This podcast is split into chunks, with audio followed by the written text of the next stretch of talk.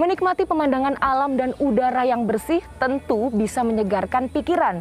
Makin lengkap kalau kita bisa menyehatkan badan dengan mengenal dan mengkonsumsi tanaman organik. Ini bisa menjadi alternatif liburan Anda di Kampung Organik Brenjong, Trawas, Mojokerto.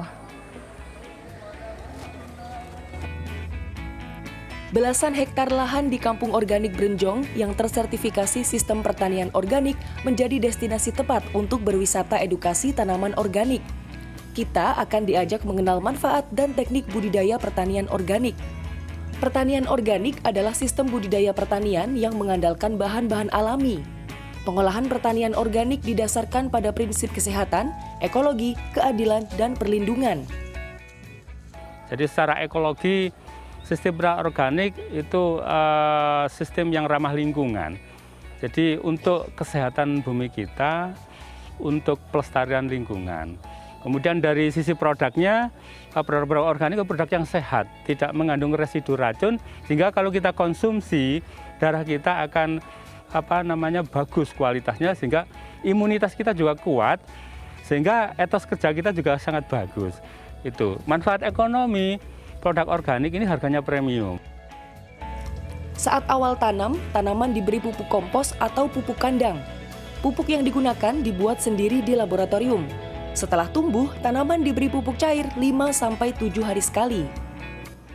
Nah, ini dia semacam pupuk organik ya Pak, iya. yang tadi sudah dibuat di laboratorium dan akan disemprotkan ke tanaman. Iya. Manfaatnya apa sih ini Pak? Manfaatnya memperbanyak NPK, memperlebat daun, sama itu nitrogen. Oke, jadi untuk pertumbuhan tanaman ya. ya? Oke. Tanaman. Sebelum disemprot harus dicampur dulu ya. dengan air ya. ya. Berapa Pak campurannya nanti? Kalau biasanya satu tangki full itu tujuh tutup. Mm -hmm. Kalau ini seperempat cuma dua tutup setengah. Seperempat dua tutup setengah. Ya. Oke.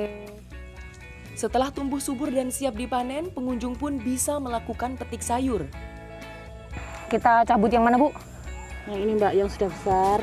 Oh ini. Ya, coba ya Bu. Ya. Gini. Ya langsung cabut aja. Oh iya, nggak terlalu susah sih. Susah. Iya. Ini adalah selada keriting merah atau lolo rosa. Lolo rosa. Biasanya digunakan untuk bahan apa, Bu? Salad mhm. bisa. Uh -huh. Terus itu ya penyetan juga bisa. Hmm. Tak jauh dari kebun sayuran, hamparan bunga refugia pun menggoda mata. Selain indah, ternyata taman refugia bisa memperbanyak predator dan polinator sehingga musuh alami berkembang dengan baik untuk memangsa hama tanaman padi. Petani pun tak perlu melakukan penyemprotan dengan pestisida kimia. Konsep ekowisata di kampung ini menjadi daya tarik tersendiri bagi pengunjung. Suasananya asri, terus di sini kan uh, terkenal dengan pertanian organik. Jadi kayak pengen coba-coba uh, kulinernya di sini gitu mbak.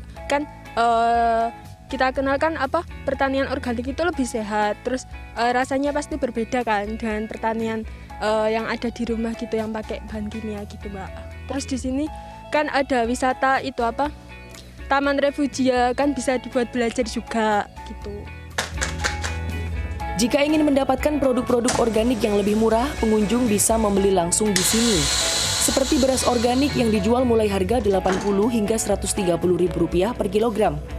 Berbagai produk organik telah dijual ke tengkulak, hotel, restoran, dan supermarket.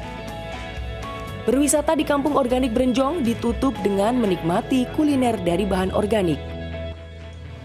Kalau sudah berada di sini, harus ya menikmati menu dari hasil pertanian organik.